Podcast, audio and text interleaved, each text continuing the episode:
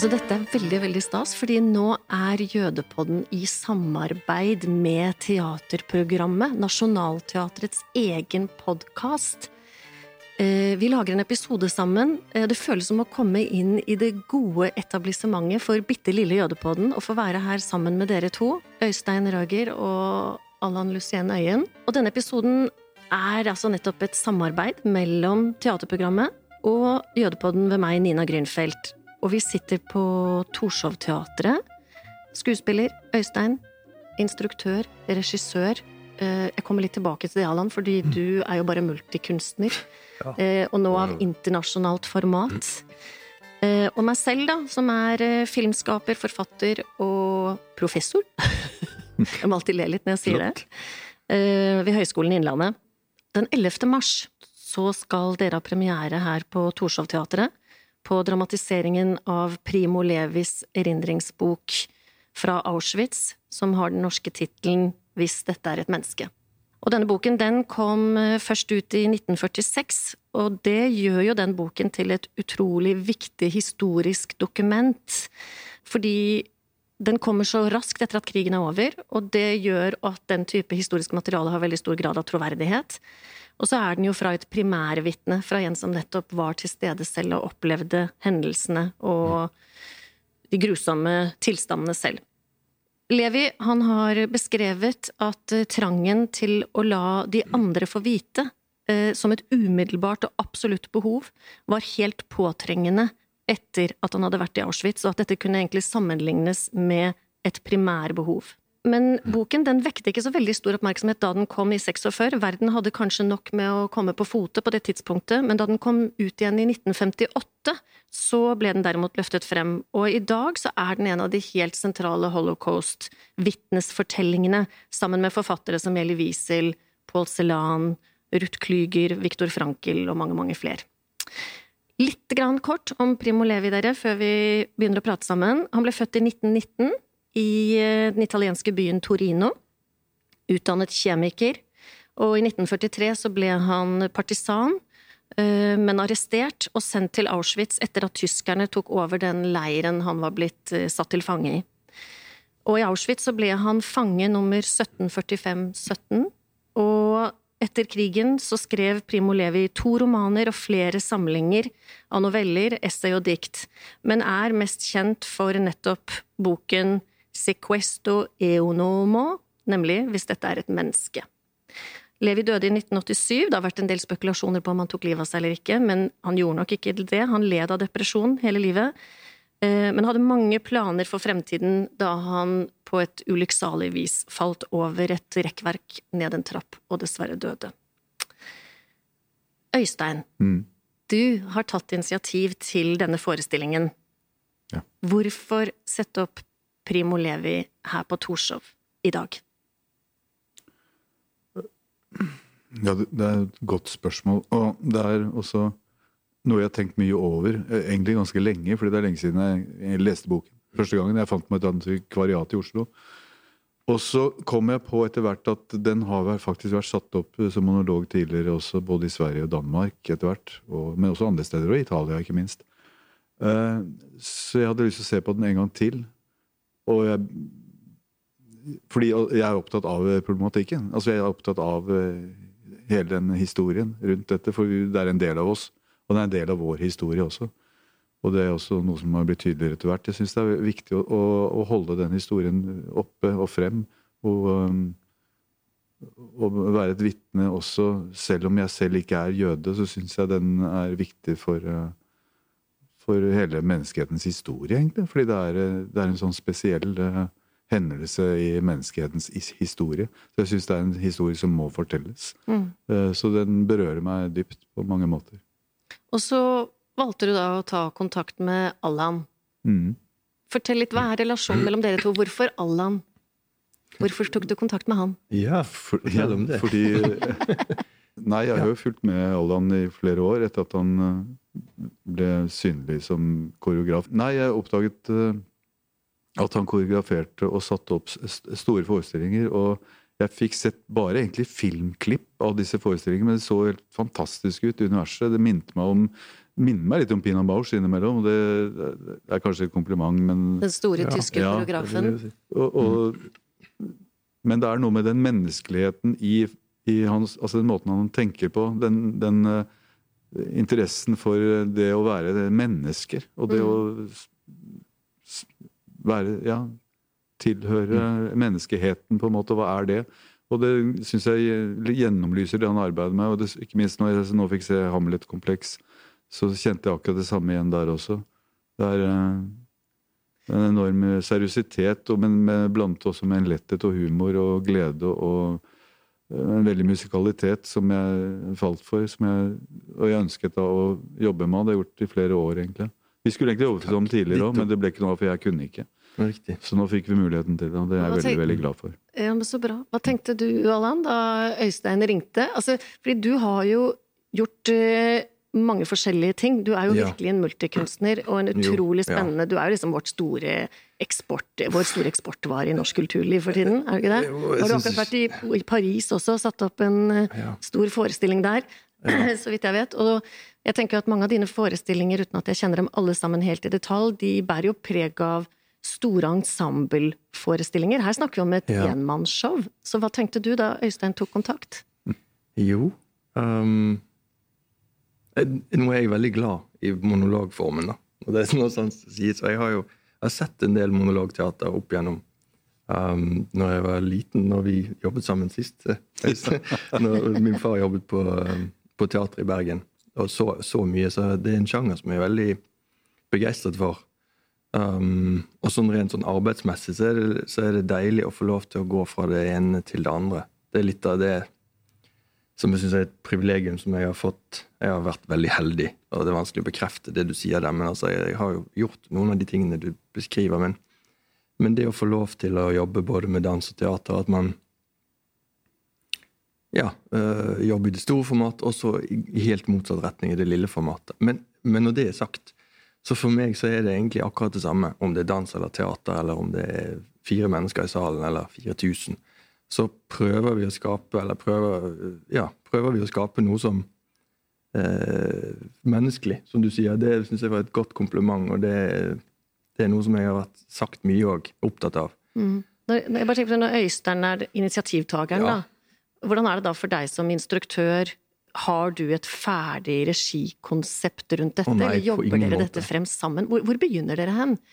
Denne historien var jo sånn Oi, OK. Ja, greit. Altså da, Ja.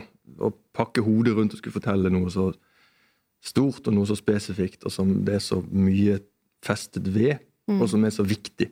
Kanskje mest av alt. Hvordan trår man da? Men det er er jo en spennende oppgave. Jeg, jeg begynner aldri med noen sannhet om hvordan jeg syns at dette bør og skal være på forhånd. Det må vi oppdage sammen, og det er jo det vi egentlig gjør nå. Gjør. Og dere gjorde jo kanskje det egentlig ved å legge, ta en reise til Auschwitz. Dere var Ja. i Auschwitz i april i 2022, var dere ikke det? Jo. Mm. På hvilken måte har det påvirket eh, dette arbeidet? Nå, jeg har vært i Auschwitz tidligere, mm. men jeg syns det var viktig at vi tok en tur ned dit nå i forbindelse med dette arbeidet. Eh, Det er et sted som Primo Levi selv sier jo at det er et museum, og det er på en måte et museum. I dag er det jo det. Eh, Men samtidig så har det jo den historien, og, og den er det viktig at man på en måte også rett og slett kjenner på. Det, er, det har noe med alvoret i det. Altså dette, dette arbeidet kan man ikke gå inn i uten alvor. Eh, Det må tas på alvor. Og da er det viktig å ha vært der og få en viss følelse av hva, hva det kan ha vært. Eh, Så derfor så tok vi den turen ned dit i april. ja. Og det var Hadde du vært der før, Allan? Nei, det var første gang. Ja. Det føltes veldig viktig, og det var en veldig sammensatt opplevelse. Ja. En veldig poetisk opplevelse, hvis jeg skal si det på Altså, jeg ble veldig konfrontert med Hvordan kan man beskrive det? Eh, altså den der enorme stringensen som ligger Altså det estetisk tiltalende. Bare et fonten på glassvinduet uh, idet du kommer inn, og den der geometrien som gjentas overalt i leiren, med den smale bygningen og det skrå taket over, som minner meg litt om sånn japansk estetikk og sånn eh, symbolikk derfra, som, som jeg merker er veldig tiltrekkende. Og det at det, det gjør også den roen som er der, da. når sant skal sies, så måtte vi ta av hodetelefonene, for vi hadde en, en tolk. Jeg tenkte vi skulle makses, selvfølgelig, og få hele opplevelsen og skulle ha lydboken med oss, eller eh, lydguiden på, da. Og hun snakket nesten på innpust og utpust, så vi måtte ta hun av for å faktisk Det ble for mye? ja, anamme stedet. Og veldig mye av det hun sier, det vet, det vet vi jo. Det kan vi. Men det å faktisk være der og se liksom, Der står det treet. Ja, det treet har stått der en stund. Eh, det er mange som har sett på det treet der. Noe så, eh, der er det gjerdet, ja. Og så selvfølgelig detaljene i det, som er helt uhyrlig. Som gjerne ofte er sånn de enkleste tingene som, som Øystein hadde snakket mye om. Bredden på en seng. Eller mangel på seng fordi at du faktisk sover på gulvet. Og der er det stein og gjørme. Altså sånne ting ubegripelig. Ja, det er. Den der ståcellen var noe av det som, som hjemsøker meg fremdeles. Ja, den er forferdelig. Den er forferdelig. Fordi det at inngangen til den er som en sånn uh, luke hvor man En kullluke i en, en fyrkjele. Og så går du inn, og så står du oppreist. Og gjerne flere stykker. Ja, opptil opp til fire noe som stykker. Er, uh, mindre enn kvadratmeter. Ja, mindre enn kvadratmeter. Og der skal det fire mennesker stå. Og da ja, er det ofte at de dør pga. surstoff. Eller det er ikke nok surstoff, rett og slett. Så dør man. Men det er, det er en Ja. merkelig blanding av en slags normalitet. Altså Det kan nesten se ut som Mm. en slags Tøyen Hagebys altså det, det, Ja. Fordi Det er at det er jo planter rundt det. Nå er det planter, men det var jo ikke det. Primo sa jo selv når han kom tilbake at, at nå er det jo plantet opp og gjort litt sånn hyggelig. Så nå ser det nesten hyggelig ut, i de der eh, mursteinsgårdene som ligger der. Men det har jo vært helt annerledes der. Altså, Og den merkelige blandingen av en slags normalitet og den galskapen, det, det gjør det enda mer skremmende, egentlig. Ja, og jeg tror ikke jeg har vært der i april noen gang. Eh, Det høres helt sånn absurd ut. April i Auschwitz. Men eh, jeg har vært der på høsten. Jeg har faktisk vært der på sommeren. eh, Og jeg har også vært der på vinteren. Og min opplevelse er jo at det er ganske forskjellige opplevelser avhengig av når på året man er der. Og også selvfølgelig avhengig av hvor mange andre som er der samtidig. Eh, Og det fins jo en egen diskurs rundt dette som er på en måte en del av hele den ja, kontroversielle holocaust-industrien. Dette med å, å reise dit av hvilken grunn. Men, eh, men eh, jeg vet ikke hvordan det var da dere var der. Følte dere at dere fikk gå i fred alene, eller var dere, gikk dere i tog gjennom Ja, det var jo mye grupper som gikk rundt oss. så- så- Vi gikk jo med i en gruppe, Ja. ikke sant? Som det var hadde den forstyrrende, som Allan sier, at det var mye snakking på eh, headsetet. Nå hadde jeg vært der tidligere, så jeg også følte at jeg kunne gå litt, være litt friere i forhold til det. Det så jeg du også gjorde, Mm. Allan. For det, var, det er litt forstyrrende, for du har lyst på en måte å se stedene. Og jeg syns måte et av de stedene som er eh, utrolig vesentlig for meg, og historien og Primo, er jo nettopp den uh, togplattformen som er der. Mm. Som, man kan på en måte ikke sam si at noe er verre enn andre, men det er på en måte et av de stedene som jeg syns er mest skremmende, fordi det er så normalt. på en Men, ja. Og så vet du at der går veien rett til gasskamrene, og der ble de stående igjen, og det gikk så fort. skummelt å se at symbolikken nesten er mer emosjonelt opprivende enn praktikaliteten, som du kan sammenligne med Ullevål Hageby. Eh, altså, å se det huset, altså Birkenau og porten til Birkenau, så på en måte påkaller det alt som man noensinne har blitt fortalt om dette. her.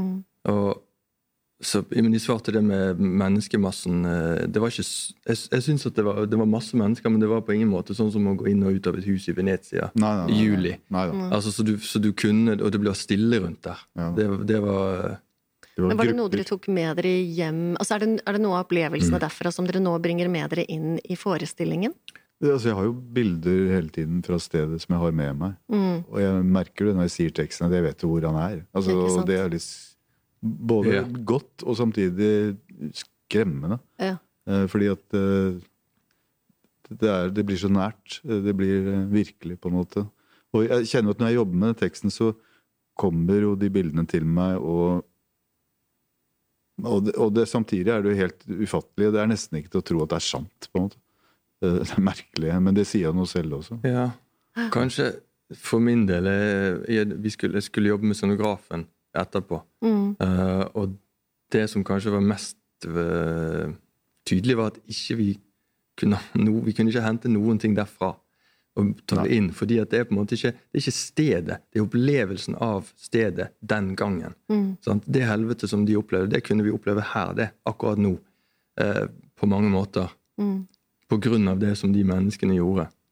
Så, og, så, og la fortellingen hans komme fram. Hvordan han beskriver det han opplever, mer enn på en måte trekke veksler på symbolikk eller estetikk. eller sånn som jeg, Han kanskje først tenkte skal vi ta med noe, en flik av dette hjem, liksom. Men det som er interessant også, Ja. som du sa i innledningen og i sted, er jo at denne boken Han skrev den jo med en gang han kom hjem. Han skrev, tok jo lang tid før han kom seg hjem, men, men han skrev den jo ganske raskt. Og han har ikke tilføyd noen ting etterpå heller. Det har han sagt. Ingenting. fordi han, vil, han visste jo ikke hvor mange som har blitt tatt livet av i eh, leiren heller, så han har ikke beskrevet sånne detaljer han fikk vite siden. De er ikke med engang. Eh, og dermed så blir det et veldig sterkt vitnesbyrd da, som er veldig direkte. Og, og, og det er jo ikke gjort noen endringer. Og det er også interessant når man arbeider med det også, at uh, mye av dette visste han ikke om. da. For når, når han beskriver at de gikk inn i rommet med dusjer, så er det et sted han, han ante jo ikke den gangen at det kunne brukes på den måten. Altså, de, kunne ha en idé om det, men det var ingen, som, det var ingen bekreftelse på at det ble brukt på den måten. Og, og det altså gjør det veldig veldig sterkt å lese det. Han er så ensom, han er så utrolig alene i Og sammen, ja, sammensatt fordi at han beskriver sin opplevelse av å ja, vi er i et rom, vi skal dusje, vet jo ikke nødvendigvis der og da det som vi vet. Nei. Så det at han sier et dusjrom, mm. vekk, Jeg sånn tenker at det, klang. akkurat det dere påpeker der er også nesten helt umulig for oss å forstå i vår digitale tid, fordi vi får så mye informasjon hele tiden. Mm. I hvert fall for oss som sitter her nå, og mange med oss vet jo veldig Mange kjenner jo ikke historien i det hele tatt. Mange vet veldig lite om det, og det er derfor vi fortsetter å fortelle den. Og jeg tenker det er sikkert noe av motivasjonen for dere til å fortelle den òg. Ja, absolutt. Men vår evne til virkelig å forstå det i dag, i en tid hvor vi lever i et sånt enormt informasjonssamfunn, så er det nesten ufattelig at de ikke visste. Men det er nettopp det Ja. mangelen på den kunnskapen som må ha vært så, så, så vill. Og så tenker jeg at noe av det du sier, da, Øystein, om at uh, han hadde ikke den kunnskapen da han skrev boken, og samtidig så opplever jeg i hvert fall at teksten hans er veldig preget av at han er en naturviter. Altså han kommer fra naturvitenskapen og har et språk og en refleksjon som, som, som kommer fra hans bakgrunn som kjemiker, da. Absolutt. Eh, og han sier det veldig tidlig også i boken, så sier han nettopp veldig klart noe om hvordan han velger å fortelle denne historien, og hvor, hva som er hans ståsted, som jeg syns er veldig interessant.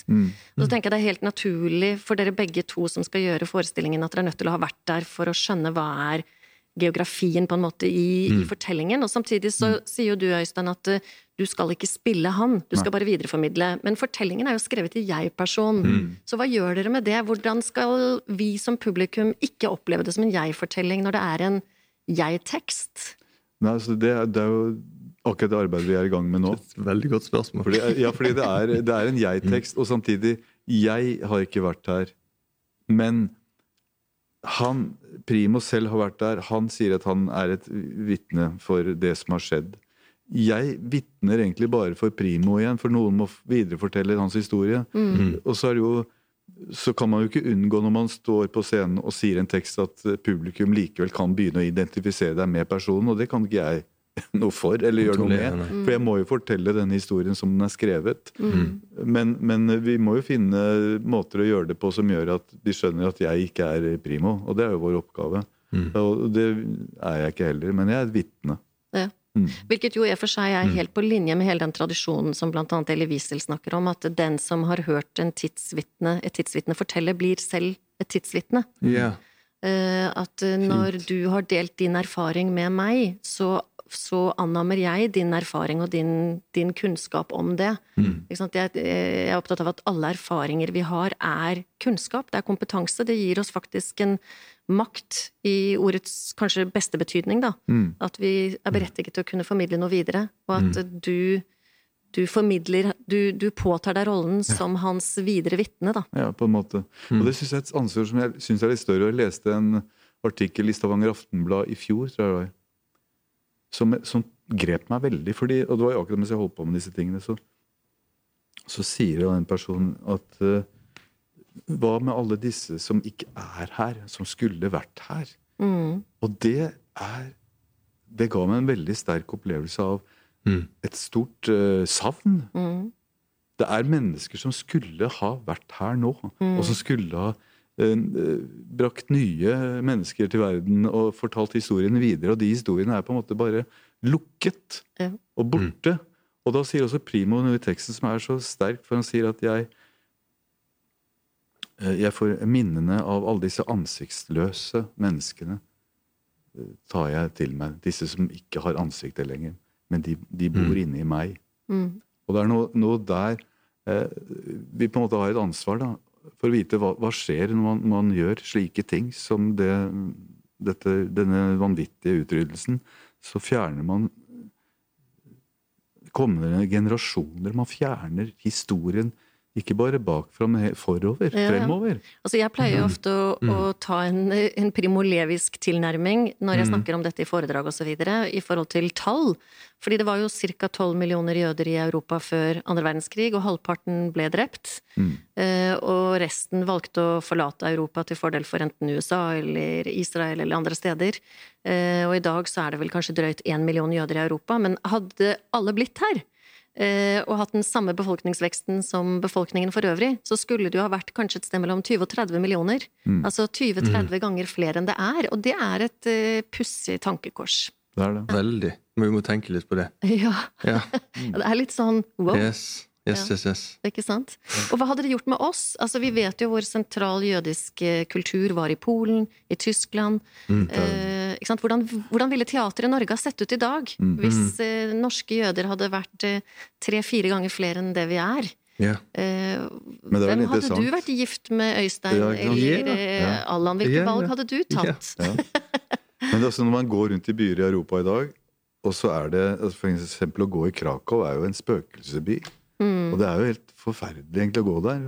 For her er det synagoger, og det er restauranter, og det er ting som Altså de bruker på en måte hele den jødiske som en salgsvare, da. Mm. Og samtidig er det jo ikke en jøde igjen snart. Det er 200 igjen, tror jeg. 200 tror jeg fikk vite at det var. Og det hadde vært 70 000 her før krigen. Mm. Men det samme opplever flere andre byer. I Vilnius det samme. Det er tomme byer. Men det har vært, du ser at det har vært befolket av eh, jødisk kultur og mennesker. Ikke sant? Så, så- og det er, det er et tankekors. Absolutt. Mm. Dette kunne jeg snakket veldig mye om, Ja. veldig Mm. lenge om, fordi det skjer jo ting Folk flytter på seg hele tiden, og Ja. nå flytter jo faktisk en del ut av Israel, fordi livet i Israel er så tøft. Mm. Eh, Så en del benytter seg faktisk av muligheten til å gjenopprette sine gamle familiestatsborgerskap da, i Polen, Ja. Tsjekkoslovakia, eller Tsjekkia og Mm. Slovakia, som Mm. det selvfølgelig er nå. ja. Tyskland, ikke minst. Berlin. Berlin har jeg hørt mange som kommer. Ikke Ja. sant? Men igjen, Yes. jeg skal Ja. prøve å Ja. dra oss tilbake til rommet her i, Ja. på Torshov, dere. Ja. Fordi jeg tenkte at ja, her skal dere gjøre Primo Levi. Ja. I dette rommet. Fordi dette er jo et amfiteater. Vi sitter her nå og ser oss rundt. Mhm. Og det er jo, kommer til å være publikum på alle bauger og kanter. Det er jo litt sånn livets sirkel, dette her. Mm. Ja. Men det må jo være ganske krevende, Allan. Altså, hva sier du til Øystein når dere jobber i det rommet her? Hvordan, hvordan angriper dere dette rommet med denne forestillingen? At du skulle nå trykke liksom akkurat på, fingeren rett i såret, liksom. Jo da. Nei, altså, jeg flytter meg rundt i ring, så det er jo lett for meg. Altså, men det er jo Øystein da, som så hele tiden skal gjøre tilgjengeliggjøre fortellingen 360. Mm. Men det er um, Jeg syns ikke det er så problematisk. Det, det får du fint til. Iallfall enn så lenge. Så Får vi se hvordan det går videre. da. Det er jo jeg som har jobben. Ja, det, det, Jeg har jo ikke fri et øyeblikk. Altså jeg må jo stå her Jeg står her i hele forestillingen. Mm. Ja. Og det er over 50 sider med tekst. Ja. Det er en ekstrem stor oppgave. Mm. Jeg har aldri hatt så mye tekst noen gang. Eh, Men er det ikke sånn at man ofte legger Altså at man erindrer tekst i arrangementene? Altså at du vet at du skal til et sted? Eller hvordan, hvordan, hvordan jobber Mm. dere i forhold til arrangementer og, og tekstforståelse i Jo, men dette sant, rommet? Dette her er en helt annen type teater. For det, for det første så er det viktig at eh, Hva skal jeg si for noe?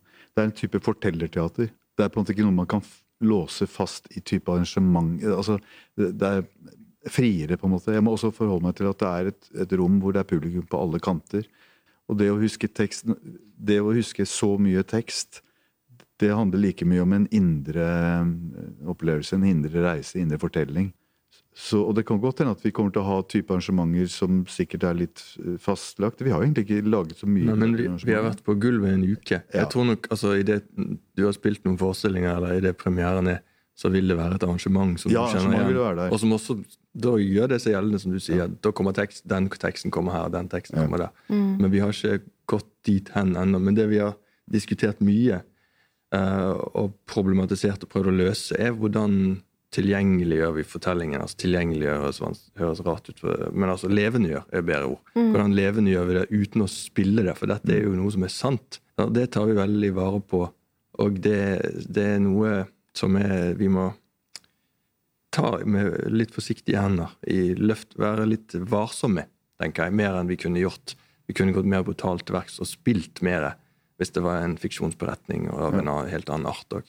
Så mange av de eh, klassiske monologfortellingtriksene som vi begge kjenner ganske godt, og veldig gjerne skulle tenkt å benyttet oss av fordi at det er så lett, eller da får du veldig stor gevinst, den, det kan ikke vi, eh, det Hva kan slags ikke vi egentlig tar ta i bruk. da? Nei, Det er sånn som du spiller opp karakterene. sant? De du snakker med, plasserer ting i rommet. Ja. Um, så denne karakteren snakker den veien, den andre karakteren snakker motsatt vei. Til en viss grad kan vi benytte oss av sånne ting, men, men um, ja. Det jeg tenkte på da Mm. jeg kom inn, så tenkte jeg i hvert fall fordi alle mine assosiasjoner til holocaust mm. er jo forbundet med litt sånn tvangspreget angst. Mm. Eh, og så tenkte jeg ok, hvis du er skuespiller i dette rommet her, da, og det er mennesker rundt deg overalt, og alle alt det, Jeg tenker at noe av det Primo Levi prøver å uttrykke i sin tekst, er jo at det er farer overalt. Mm. Alt er jo farlig. Du kan jo dø når som helst. Akkurat den teksten du holdt på med i dag. Omringet. Ja. Og da blir det jo et eller annet som For jeg tenkte, det er et sånn underlig paradoks, slo det meg plutselig. For at du vil jo gjerne oppnå kontakt med publikummet ditt, og være i en slags symbiose med dem. Mm. Samtidig som hvis du er i Primo Levis skikkelse, så er jo alt rundt deg farlig. Mm. Altså hvordan Skjønner du hva jeg mener? At, mm. Hvordan være skuespilleren midt på gulvet. Nå har jeg sett skissen til scenografien som ser kjempespennende ut. Ja, og det er den der symbolske vannkranen. Vi vet jo alle hva vannet betydde i Auschwitz, og ikke minst Primo Levi kom jo stadig tilbake til vann også. Og så skal du være i dette rommet da, med fare overalt. Nei, det er, et komple- det er vanskelig, det er motsetningsfylt, men samtidig så kan jeg ikke unngå at eh, det er dere jeg forteller det til. Publikum er en del av, av historien. Eh, Dere er vitner, dere også. Nå forteller jeg dere, så skal dere vitne videre. Min oppgave er jo å klare å formidle det, og samtidig få med den andre historien, den ensomheten og, og angsten som ligger der. Men du kan ikke være der hele tiden. Og det var ikke Primo hele tiden heller. Og, og vi må også finne hvilepunkter for publikum hvor de også kan få lov til å puste og få hvile. Og, så det er, det er veldig sammensatt. da. Og som Allan sier, så må dette tas helt på alvor. Så Derfor så kan vi ikke bruke teatertriksene lenger. Dette er sant, og det er noe som bare må ligge i oss hele tiden. Vi må, må, vi må tørre å være alvorlige òg? Vi må tørre å ta det på alvor. For min del så brygges broen til publikum ofte med det fine, det positive. Uh, og der er, altså, i denne fortellingen om no, en sånn grusom umenneskelighet, så er det en også fortelling om veldig menneskelige mennesker inni der. Uh, og det framstår jo da i det golde rommet som noe veldig, veldig varmt. Og noe som og, og der uh, Jeg blir gjort oppmerksom på når jeg har sett på en del av disse dokumentarene og vitnesbyrd rundt dette, så ofte så er de så stoiske når de forteller de mest grusomme ting. Og så plutselig så forteller de om øh, noe som Når noen var snill, når noen gjorde, faktisk gjorde en, en handling som, er, som avslørte de som gode mennesker, da bryter de sammen. Ikke Og sant? det så det, Og det er så ja, tydelig her også. det er det enig. vakre som er er Ja. Og de øyeblikkene man må ta vare på, fordi det var det han overlevde på. Mm. F.eks. For eksempel Lorenzo, som han også hadde kontakt med etter krigen. Som er et menneske som er bare genuint snill. Han gir han maten sin, han gir han klær. Han, og det er jo utrolig vakkert Mm. Mm. i det grusomme. Og de øyeblikkene der er jo også med, og det er også en del av hans historie. Så han er veldig motsetningsfull, for han sier plutselig et sted at ingen hjelper hverandre. Her bare dytter man hverandre til side. Så sier han rett etterpå Men så ga han meg et halvt stykke brød. Ja. Og jeg tenker at det er faktisk noe av eh, Akkurat det dere nevner her, er noe av kjernen for meg i min hva skal jeg kalle det, forskning i Auschwitz, hvor min farmor jo også var. Mm. Nemlig at eh, Auschwitz er ikke én ting. Altså Det var ikke én type regler hele tiden som gjaldt. For det første så var det ulike perioder hvor ting var helt ulikt, uavhengig av hva som skjedde i løpet av krigen. Det var flere holocauster, ikke sant, det ungarske til slutt. Og den siste perioden hvor også Primo Levi var der. Det som var lover og regler én dag, gjaldt ikke neste dag. Så det var, det var jo mm, total uforutsigbarhet, da. Og at teksten hans er også i veldig stor grad preget nettopp av det. Ja. Men tenk, altså, kommer det til å bli en forestilling det, er det, er det, Jobber dere med lys og Jeg lyd? skulle, ak jeg skulle akkurat til å si det. Det er jo noen ting, da. Lys og lyd og musikk. Ja. eh, Det er noe som er de, for meg alltid de sterkeste virkemidlene. Om Ja, det er lite format eller stort format. Um, og det skal vi selvfølgelig benytte oss av her. Og det, det syns jeg er berettiget for Ja. å artikulere det som, Mm. det som vi skal få fram. Det er med å skape bilder også, hjelpe publikum til å, å se bilder. Fordi, nettopp fordi det er gjort så enkelt, så er det Mm. fint å kunne bruke noen virkemidler som musikk, som jeg syns er ekstremt vesentlig. Og, Mm. og der vet jeg at eh, Allan er så utrolig dyktig med musikk. Mm. Det er jeg veldig glad for. Takk. Eh, så Jeg snakket det- det- det er- med kommunikasjonsavdelingen i morges om, eh, om formidlingen av prosjektet. da. Og så sa jeg jeg vet ikke helt hvordan dere skal kunne si dette her. For det, det kan man kanskje ikke si, men vi prøver jo å lage en forestilling, og i hvert fall når jeg setter meg ned i salen, så ønsker jeg å bli henført. Jeg ønsker å bli transportert vekk fra meg sjøl. Mm. Og det, det forandrer seg ikke denne gangen heller. Selv om det som er Selv om det som vi overværer, er sant. Nesten desto viktigere er det at vi faktisk lar oss transportere, helt inn i det vi ser. Mm. Så, men Det betyr ikke nødvendigvis at det blir underholdning likevel. Men jeg håper at, eh, at vi klarer å skape en fortelling som ikke er bare informasjon om hva som skjedde, men faktisk noe som er så rikt som det som han opplevde. da Ikke sant? på godt og vondt. Og Ja. det er jo også godt. Ja. Som eh, For meg så er det når han eh, lakkmaker Han er en Ja, han nederlandske- 19, 19 år gammel gutt, så er det 17, 17. 20, 17, Mm. som eh, Når de da eh, Tyskerne har dratt, og det er ti dager i vakuum før russerne kommer. Ja, for de ligger i Ja. syk på sykehus, KB. Mm. Ja, ja, det- ja riktig. Mm. Og han da prøver de å spise De har jo ikke vann, de smelter snø.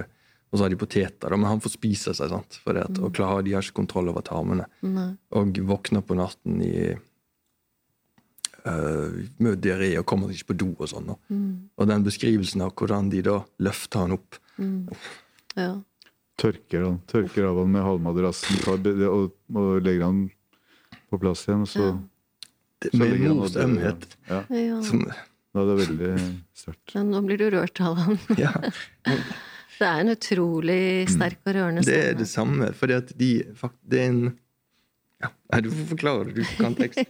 Nei, men at Selv i den situasjonen klarer de å, å være menneskelige. Og det er jo noe av det han viser da, gjennom teksten. At vi å ikke, ikke miste sin menneskelighet. Mm. Og, og det er så lett Ja. å gjøre. Mm. Og du har også møte han har med Steinlauf, hvor, hvor Steinlauf skjeller han ut Ja. fordi han ikke vasker seg. Mm. Fordi det er så viktig å bevare mennesket i, i seg. Mm. Og dermed vekker han Levi til å, eller Primo til å forstå at man er faktisk nødt til å ta ansvar for å bevare sin egen menneskelighet oppi det hele. Ja. Og det er mulig.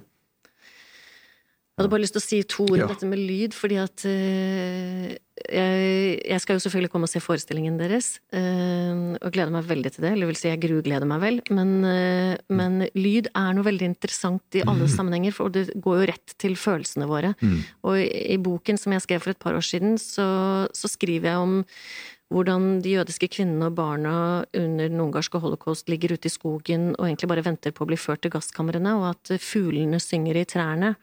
Og så var det den tyske oversetteren av boken som tok kontakt med oss, og så sier han men Nina, det var ingen fugler i trærne, Ja. fordi de orket ikke stanken og, og røyken fra pipene.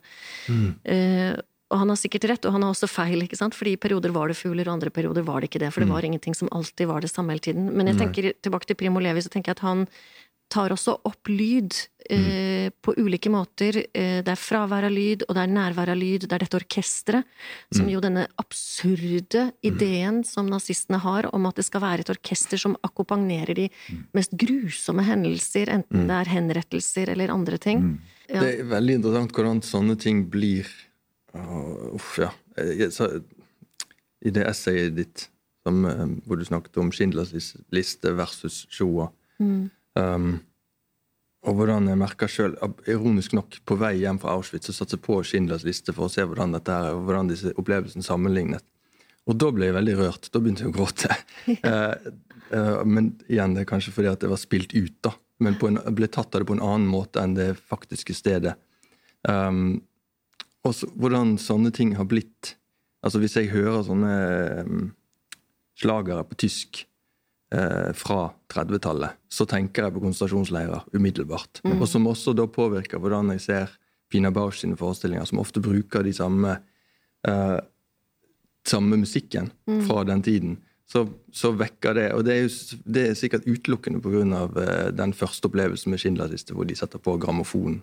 Men det er den samme terroren med hornorkesteret og de polkalåtene som, som var Men, det, men eh, det er en interessant uh, Vurderer å bruke den der ene tangoen, som også blir brukt i Schindlers list, Nettopp. um, i en annen kontekst enn i filmen. da. Men Først så tenkte jeg nei, vi kan ikke bruke den pga. filmen, men så tenkte jeg kanskje nettopp pga. filmen. Fordi at det, det, gir, det vekker et eller annet som Noe der bak som man husker. Um, ja. Men det du forteller meg nå, Allan, er jo at dere opererer jo med en rekke referanser. ja. Som jeg er litt nysgjerrig på. Det du viser til er akkurat nå som du pratet, Alan, Allan, det var en, et essay jeg har skrevet, som du har fått lese. Ja. Eh, og hvor jeg da eh, egentlig snakker om egne erfaringer som jødisk, og å oppleve narrativene rundt holocaust fra den amerikanske serien Holocaust via Claude Landsmanns store dokumentarverk Shoah, og fram til eh, ja, både Spielberg og også Nemes sin eh, Sauls sønn osv. Eh, og dette er jo også et- en stor del av uh, forskningen og debatten rundt holocaust. Hvordan formidler vi holocaust? Hvordan forteller vi disse historiene? Jeg tenker på deg, Øystein. Du har jo faktisk jobbet med denne tematikken ved flere anledninger. Altså I 2008 så var du med i Nationaltheatrets oppsetning av Dybuk, som Rita Abrahamsen hadde regi på. Ja. Du var med i Klassen vår, som var en fantastisk oppsetning på Nasjonal i 2015. Den gjorde utslettelig inntrykk på meg. Mm. Og selvfølgelig boken og historien som den er bygget på, da, med denne massakren i Edvabne i Polen i 41, Ja. der polakkene selv drepte sine naboer.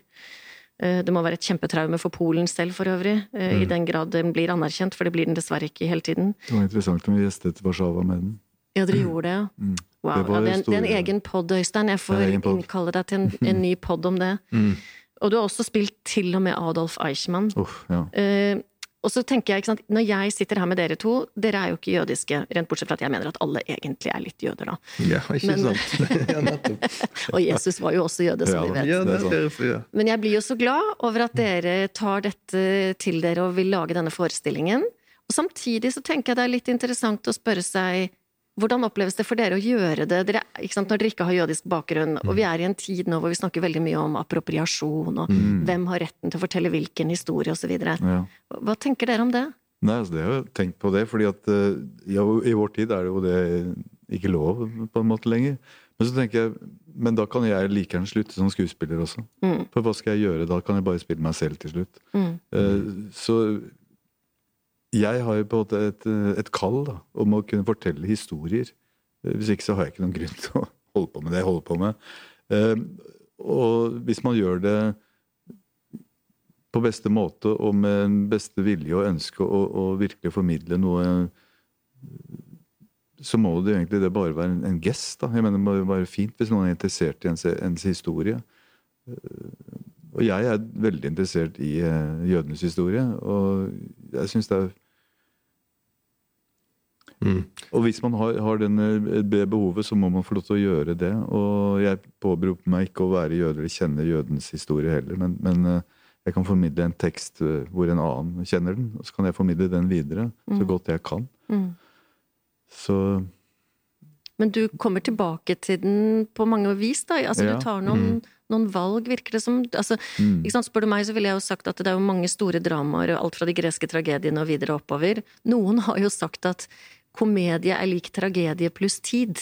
Ja. På et eller annet tidspunkt så blir kanskje også holocaust en komedie, og det har den i og for seg også allerede blitt. Mel Brooks har gjort det eh, morsomt flere ganger. Mm. Eh, kanskje mindre politisk korrekt i dag enn det det var på 70- og 80-tallet. Mm. Men eh, what makes the two of you tick? Hvorfor ramler dere inn i denne altså, det, har, altså, det har jo vært eh, så mye nå de siste årene med, med en, en stadig økende antisemittisme, blant annet. Jeg syns jo de sidene også er interessante å ta i, og, og en av grunnene til at man må fortsette å, å fortelle dette, er fordi det er veldig mange som ikke vet, og mange som ikke, flere og flere som ikke tror mm. på holocaust, f.eks.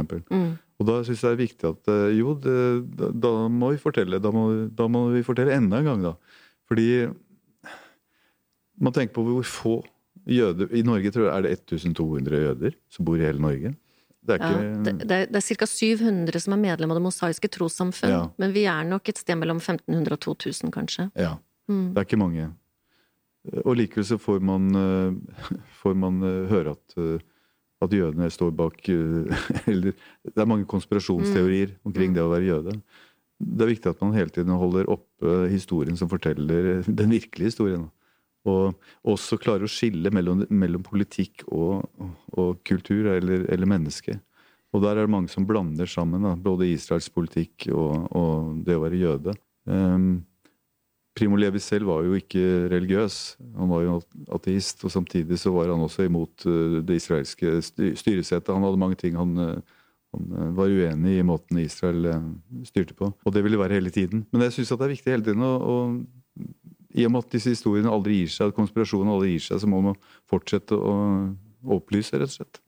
Ja, jeg mener at eh, det er absolutt noe som har kommet opp flere ganger. som vi har tenkt er dette problematisk, eh, at vi forteller denne historien. Og altså, de som har opplevd dette direkte, de er nå i ferd med å forsvinne. Eh, og da er det viktig først og fremst at historien fortelles. At den videreformidles til yngre generasjoner og til alle som vil høre. Og så tenker jeg at det er jo egentlig vår historie. Ikke Det er historien om, vår, om menneskeheten. Og det, og det som noen mennesker har gjort mot andre mennesker. Og fortellingen hans er jo så nøktern òg. Den er på en måte Det er ingenting i fortellingen egentlig som, som eh, handler om religionen, eller, eller som beskriver eh, disse menneskene i kraft av sin religion eller sin eh, Det er bare, slett bare mennesker som blir utsatt for noe av andre mennesker. Så jeg den historien den kan vi fortelle, og det um, Ja, fordi at det er også vår historie. Primo Levi sa jo selv i et intervju med en engelsk journalist altså Det var en tysker som hadde sagt til han da i leiren i Auschwitz at eh, selv om noen av dere skulle overleve, så er det ingen som kommer til å tro dere. Mm. Og det vil kanskje være mistanke, og det vil kanskje være diskusjoner og forskning utført av historikere osv., men ingenting vil være sikkert, fordi vi vil ødelegge alle bevisene sammen med dere. Mm. Det er på en måte kjernen av hele det som kanskje er noe av det aller mest smertefulle ved hele holocaust, nemlig at eh, jødene ble fraranet alt de eide og hadde. Verdiene deres ble brukt til å transportere dem til leirene. Verdiene og arbeidskraften, kroppene deres ble brukt til å bygge gasskamrene. Sonderkommando som de ble tvunget til å bli en del av. De ble sine egne bødler. Og det siste da eh, eller noe av det siste som Primo Levi da opplever, er å møte en tysker som sier at sammen med dere skal vi sørge for at ingen får vite. Ja. Men dere to, og nå blir jeg litt rørt, dere to skal sørge for at vi får vite. Det skal vi. Takk for det. Ja, Takk skal du ha. Takk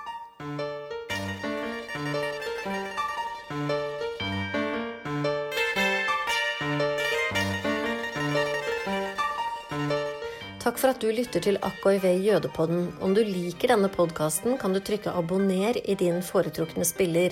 Da vil du motta beskjed om når neste episode blir publisert.